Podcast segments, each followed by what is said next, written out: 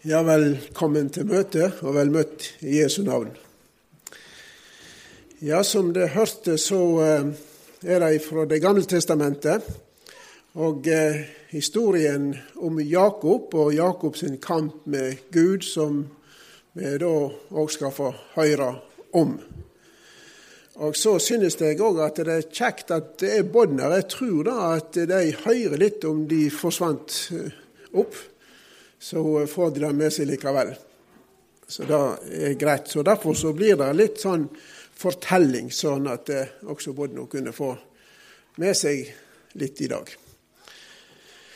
Så kan jeg òg si da at eh, jeg skriver litt, og så ligger det noen eksemplar ned på bordet med miksepulten, så hvis noen vil ha med seg det som jeg har eh, for meg her, da, så kan dere bare ta med dere av det som ligger der bak, så langt det rekker.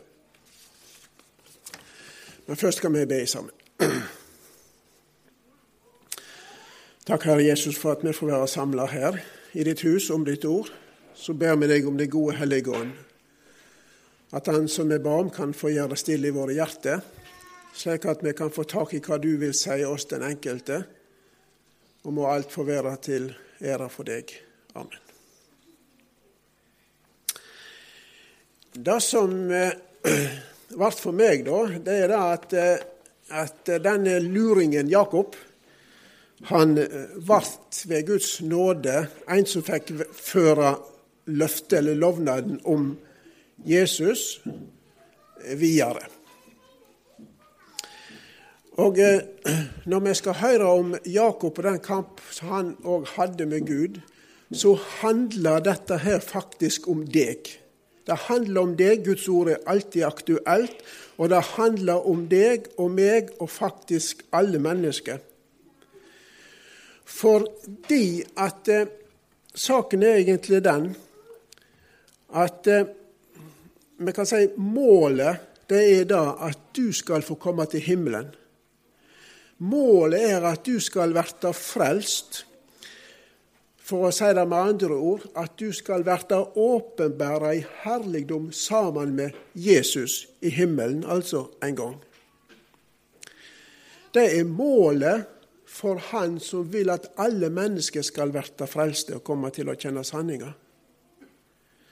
Se der håpet, står det i en sang i Jammerdalen, at vi skal samles i brudesalen i himmelen, i himmelen. Men hvordan kan det skje at du som er her, og alle mennesker for så vidt, kan få komme inn i himmelen når det står at hvert menneske er en løgner? Og det står òg da at ikke noe ureint kan komme inn i byen, dvs. Si i himmelen, og ingen som fer med styggedom og løgn, men bare de som er oppskrevet i livsens bok hjå lammet. Ingen kan komme inn i himmelen som fer med løgn og fusk og fanteri, og så sto det her at hvert menneske er en løgner. Hva da? Hvordan kan det skje at vi som er sånn, kan få være i himmelen? Da når Adam og Eva hadde synda, og syndefallet var en realitet, ja, da hadde Gud allerede en plan klar for hvordan han skulle ordne det gode forholdet mellom Gud og mennesket som nå synda hadde ødelagt. Han ville nemlig gi oss en mellommann, en som skulle gå imellom Gud og oss. Og du veit at det er Jesus. Og nettopp ved at Jesus tok på seg vår synd og sona den for oss, og gi seg sjøl, som det står, til en løysepenge, ja, så kjøpte han oss til Gud med sitt blod, nettopp ved at han ga livet sitt for oss på et kors under Guds vrede. Dermed var han løysepengen, han kjøpte oss til Gud med sitt blod. Men for at det, skulle kunne, det kunne skje, da, så måtte jo Gud ha ei slekt, ei menneskeslekt som Jesus, denne mellommannen og frelseren, kunne vært født inn i. og så valgte han jødefolket. Hvorfor valgte han dem? Var det fordi, fordi at de var så mye bedre enn andre folk, og kanskje mindre syndige og sånn? Nei, det var fordi at Herren Eller de hadde ikke noen fordel framfor andre. De var mindre enn alle, De var de minste av alle folka, står det. Men han valgte dem ut fordi han hadde godhug for dem. Fordi Herren elska dykk og ville holde den eiden han hadde lova fedrene dykkar, sier han til Moses en plass. Gud hadde gitt et løfte om at det skulle komme en som skulle ordne med det, det forhold som synda hadde skapt. ikke sant? Og så ville han stå ved sitt løfte. Og så var det fordi at han elska dem, at han valgte dem ut. Og så begynte han med Abraham. Og Abraham han var jo bestefaren til Jakob. Til Abraham sa Gud at han skulle dra bort ifra sitt land og sitt folk og til det landet som Gud ville vise han. Og så sa han til han, Jeg vil gjøre deg til et stort folk, og i deg skal alle etter på jorda velsignes. Og det betydde da òg at i den slekta, i den ætta til Abraham, skulle alle folk på jorda bli velsigna, nærmed at Jesus ble født som vår frelser. Men så veit du, det varte og det rakk, og Sara og Abraham de fikk jo ingen bånd. Vi kan bare tenke oss inn i situasjonen. Det var jo andre som ble gift, og de fikk seg bånd. Og så fikk de seg barnebarn, og enda til oldebarn. Og likevel så hadde ikke Abraham og Sara fått noen bånd. Hvordan gikk det da med løftet? Men Gud, han sto ved det han hadde sagt. Og faktisk så skjedde det et under slik at Sara, som var 90 år, fikk barn, og han ble 100 år da han fikk Isak. Og da Isak ble voksen, ja, så fikk han, eh, fikk, fikk han eh, ei kone òg. Men fikk han Rebekka ja, til kona. Men så gikk det faktisk mange år uten at hun òg fikk barn, for hun var barnløs. Og da står det så fint Isak ba for, til Herren for kona si, faktisk i 20 år. Og da hørte Herren bønna, og så ble Rebekka med barn. Og så viste det seg at det var tvillinger. Nå hender det vel da at spesielt gutter de kan slåss. Og jeg er yngst av fire brødre, og jeg har litt erfaring med det. Men disse to guttene, vet du hva? De begynte å slåss før de var fødte. Og de slåss slik det står at de støtte imot hverandre i mors liv. Så voldsomt sikkert at Rebekka gikk for å spørre Herren. Og Herren sa til henne, i livet ditt er det to folk, og den ene skal være sterkere enn det andre. Og den eldste skal tjene den yngste. Det fikk hun greie på. Den eldste, Selv om de var tvillinger, så var det jo en som ble født først. Men den eldste skulle tjene den yngste. Det er litt viktig å legge merke til. Og Hvorfor Gud valgte ut Jakob, som var yngst, framfor Esau, altså, ja, det er ikke godt å vite. Var kanskje Esau en større synder enn Jakob? Nei, Esau, var ikke noen, Esau var ikke noen god mann, men Jakob var han så mye bedre. Nei, det var han slett ikke. Han var slik som han hette, for navnet hans det betydde at han var en luring, og det står 'å overliste. Han var en lygner og en bedrager. Det var Jakob. Er Gud urettferdig? Nei, det er ikke det. Men han sier, 'Jeg vil miskunne den jeg miskunner, og være nådig mot den jeg forbarmer meg over'. Så står det ikke, altså ikke til den som vil, men til Gud som syner miskunn. Det er det det kommer an på. Gud er suveren, og han vil, han sjøl han, han vil sjøl hvordan han vil gjennomføre sin plan. Men det går ut ifra hans miskunn og nåde. Så var det en gang da at eh, Esau han kom hjem ifra jakt. Han var sliten og så sulten at han holdt på å dø, sier han. Og så ber han Jakob om han ikke kan få noe av den maten som Jakob holder på å lage til. Men da er luringen Jakob på plass, og så sier han Selg meg først første, førstefødselsretten din. Og så gjør Esau det for en rett mat. Nå var det sånn på den tida at den som var født først, altså den førstefødte, han fikk dobbelarv. Og med den førstefødte så fulgte òg velsignelsen sånn vanligvis. Og med det løftet om mellommann, frelseren Jesus, altså som det, det løftet som ble gitt til Abraham, der fikk òg Isak, og det skulle gå videre til den som Herren ville velsigne, altså. I de ett skal alle folk på jorda verta velsigna. Vi kan nok tenke oss da at Jakob visste om denne velsignelsen og hva det innebærer. Men nå tok han saken i sin egen hånd.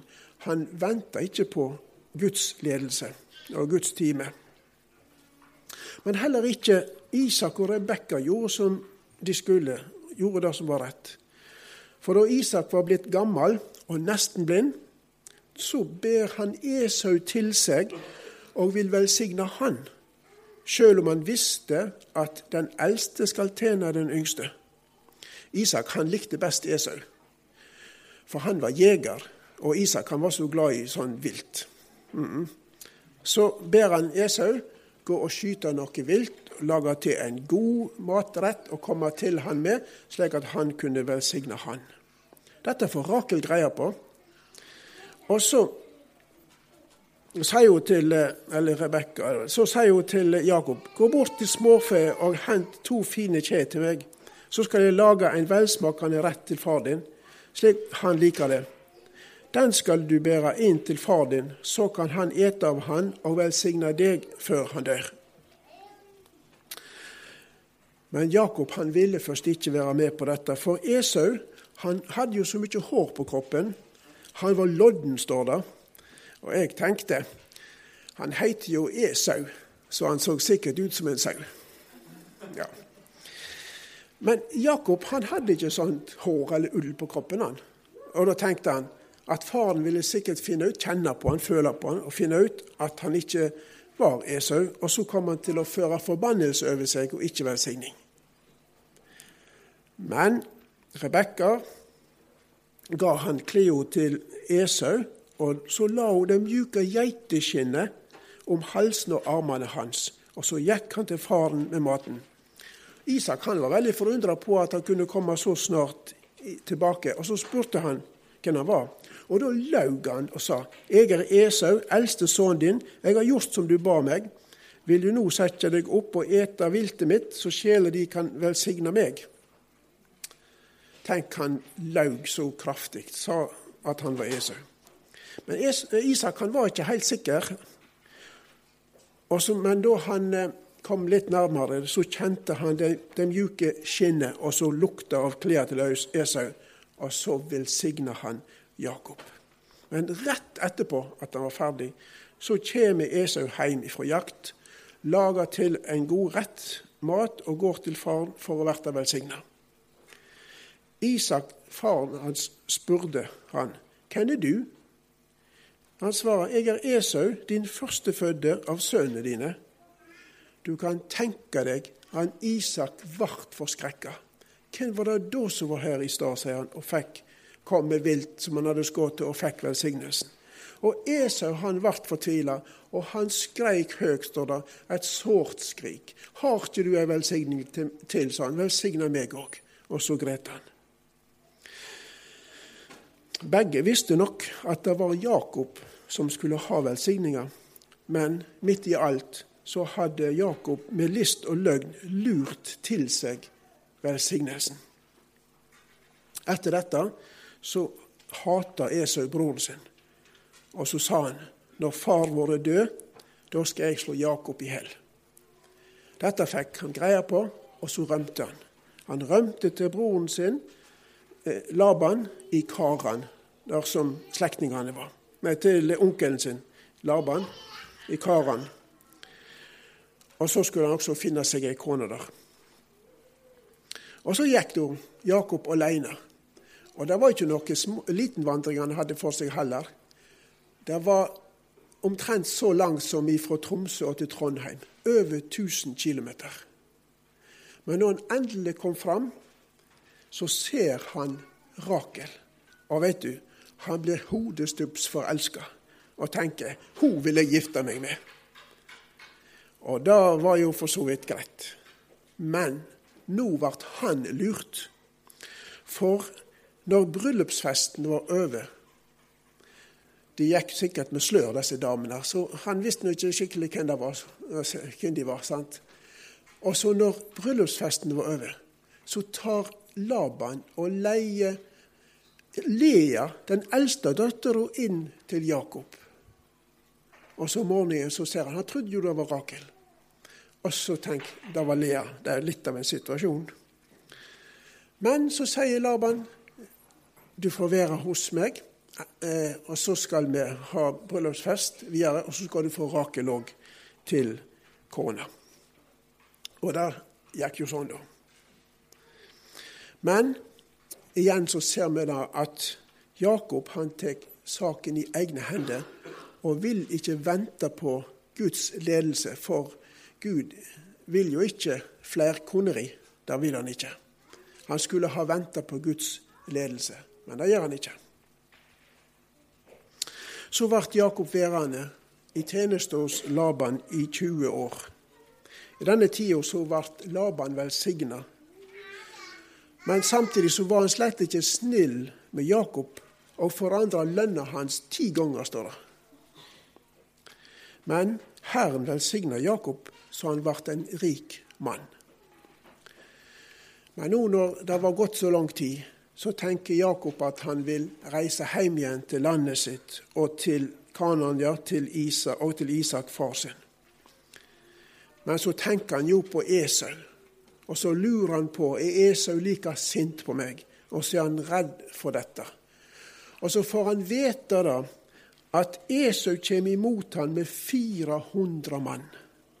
Da ble Jakob levende redd, og så går han i bønn til Gud, og så sender han flokker av dyr til gave til Esau for å umulig å blidgjøre han.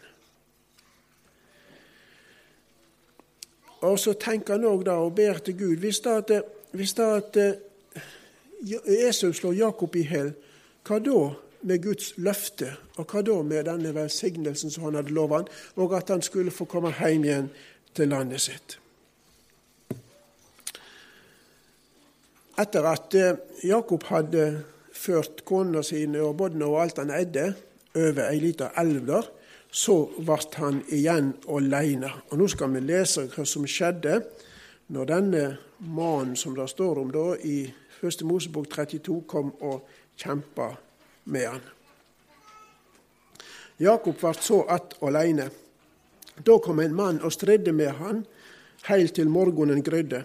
Da mannen så at han ikke kunne vinne over han, rørte han ved hofteskåla hans, og hofteskåla åt Jakob gikk ordledd medan han stridde med han. Og han sa, Slipp meg, for dagen gryr. Men Jakob sa, Jeg slipper deg ikke uten at du velsigner meg. Da sa han til han, Hva er navnet ditt? Han svarer Jakob. Han sa, Du skal ikke heite Jakob lenger, men Israel, for du har stridd med Gud og mennesket og vunnet. Da sa Jakob, jeg ber deg, si meg navnet ditt. Men han svarer, hvorfor spør du om navnet mitt? Og han velsigner han der. Jakob kaller staden Pniuel, for, sa han, jeg har sett Gud åsyn til åsyn, og enda berga livet. Og sola rann nett da han var kommet forbi Pnuel, men han var halt på hofta si. Ja, som jeg sa, Jakob var redd for å møte Esau, broren sin, og visste ikke om han ennå var så sint på han at han ville slå han i hjel. Men faktisk så var ikke det det verste. Det høres litt rart ut, men det var ikke det verste eller det mest alvorlige for e- Jakob at han skulle møte Esau, som han hadde lurt og ligget for. Men det egentlig mest alvorlige det var at han hadde løyet overfor Gud òg. Han var en synder overfor Gud. Vi vet at David han falt så stygt i hor og mord, ikke sant? Og så sier han Einast mot deg har jeg synda. Det som er vondt i dine øyne, har jeg gjort. All synd som mennesker gjør imot hverandre, det er jo egentlig synd imot den hellige Gud, som ikke tåler synd. Og så er det faktisk sånn at det er ikke nok at Jesus kom til jord for å sone våre synder som vår mellommann og ordne vår sak med Gud, fordi du må ta et oppgjør med Gud.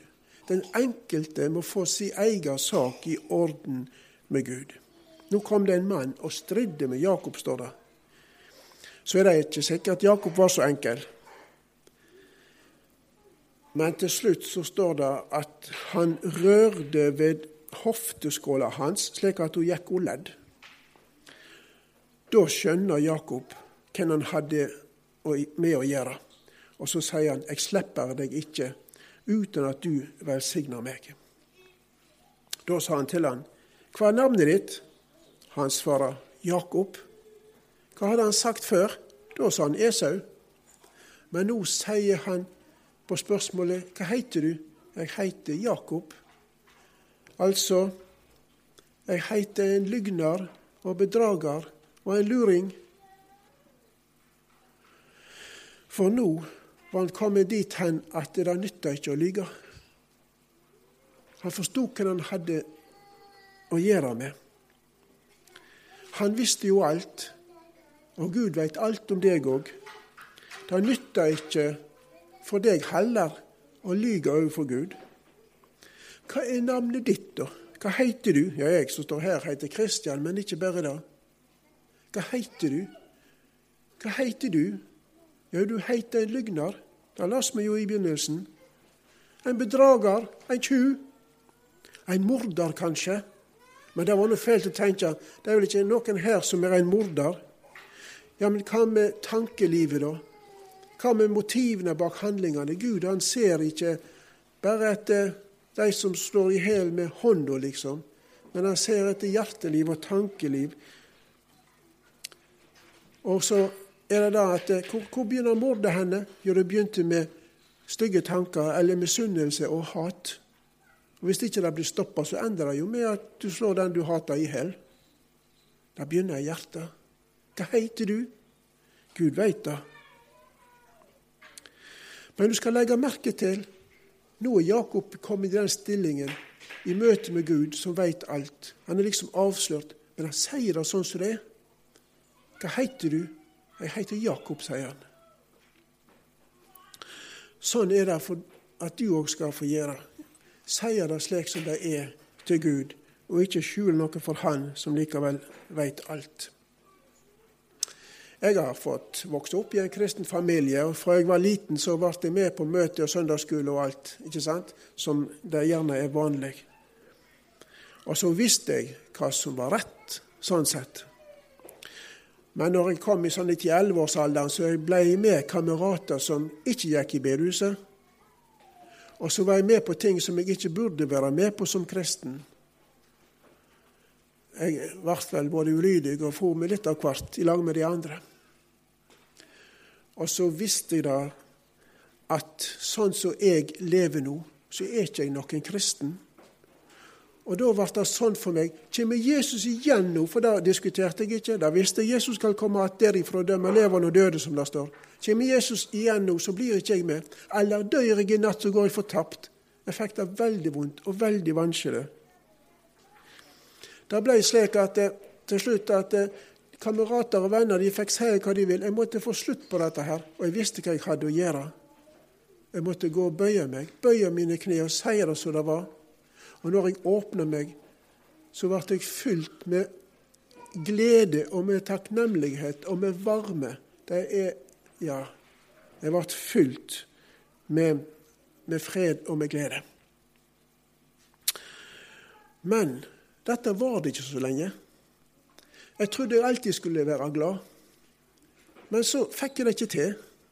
Og Så ble jeg irritabel, jeg ble sint, og så badna jeg. Hva da? Og så vil du være kristen, så er du sånn. Kan bare gi opp. Det nytter ikke for deg. Kanskje vi skal bøye kne en gang til. Ja vel, så gjorde vi det. Og da fikk jeg høre det som Jesus sier. Det er ikke de friske som trenger leker, men de som har vondt. Jesus var ikke kommet for å kalle rettferdige, men syndere til å vende om. Jesus var ikke kommet for slike som får det til. Det er de som har vondt, som går til doktor, som går til lege. Og jeg hadde det så vondt. Ja, men Jesus var ikke kommet for rettferdige, for slike som får det til. Han var kommet for slike som ikke får det til. Og er det sånn det er? Er det sånn det er? Og så senker freden seg i meg. Jakob han fikk et nytt navn. Du skal ikke lenger heite Du skal ikke heite Jakob lenger, men Israel, for du har strid med Gud og mennesket og vunnet. Hva var det som gjorde at Jakob vant? Ja, det står hos profeten Hosea. Han stridde med engelen og vann. Han gret og ba om nåde. Og det er veien for deg òg. Sier det som det er. Bøyer deg for Han og be om nåde. Jesus venter på det. Han venter på at du skal komme til Han og sanne din synd. Sier det hvordan det er med deg. Bøyer deg for Han og be om nåde for Hans skyld. Og så takker Han for at når Han hang på korset, ja, så sona Han og gjorde opp og betalte for hele din syndeskyld og gjeld. Alt er ferdig. Kom, for alt er ferdig, sier, sies det ofte. Og det skal du òg få lov til å gjøre. Hvorfor henger han der på forbannelsens tre? Jo, fordi dine synder er der. Hvorfor roper han så av sin Fader forlatt? Kun for deg, for din sjel, det jo er. Se, se, se og lev.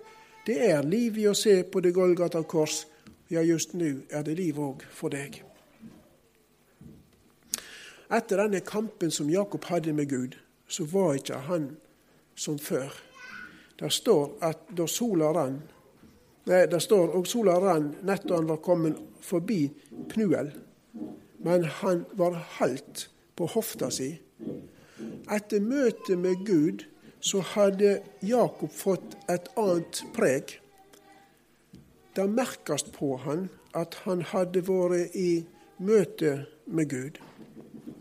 Og slik er det for deg òg, som har fått et sånt møte med Jesus, som har bedt om nåde og fått syndenes forlatelse, blitt født på ny og blitt et Guds barn. Du fer ikke opp i sinnet og banner slik som før. Du ler ikke av skitne vitser og snakker stygt om andre, sånn som du gjorde før. For det er nok at det i, tid, i den farne tid feres til skamløse lyster, drukkenskap, festing og svir, skriver Peter. Du har fått et annet sinnelag. Og det er jo rett. Når du forgår deg og gjør ting du ikke burde gjøre, ja vel, så gjør du det opp. Du må gjøre det opp, ikke sant? Du har fått et nytt sinnelag. Andens frukt er kjærleik, glede, fred, langmod, bilskap, godleik, truskap, spaklynde, sjølvtøyming. Og så tror jeg det er sant, om ikke du akkurat går og halter. Du har fått et preg som blir lagt merke til. Og en annen ting til slutt. Du som har fått vært til Jesus og fått erfare hvor godt det er å høre Han til, og dermed får lov til å leve med en åpen himmel over ditt liv fordi du er en tilgitt synder, ja, du har lyst til at andre òg skal få erfare det samme. Du har lyst til at andre òg skal få et avgjørende møte med Gud, få nåde og bli frelst. Og så Derfor er du med i misjonen. Skal vi takke Jesus. Takk, Herre Jesus, fordi at du viser ingen bort som kommer til deg. Det kan bli kamp, det er greit. Men når vi gir opp og gir oss til deg, så tar du imot oss, og så blir det alt nytt. Velsigne den enkelte til dette. Hjelp oss å leve med deg og for deg. I ditt navn. Amen.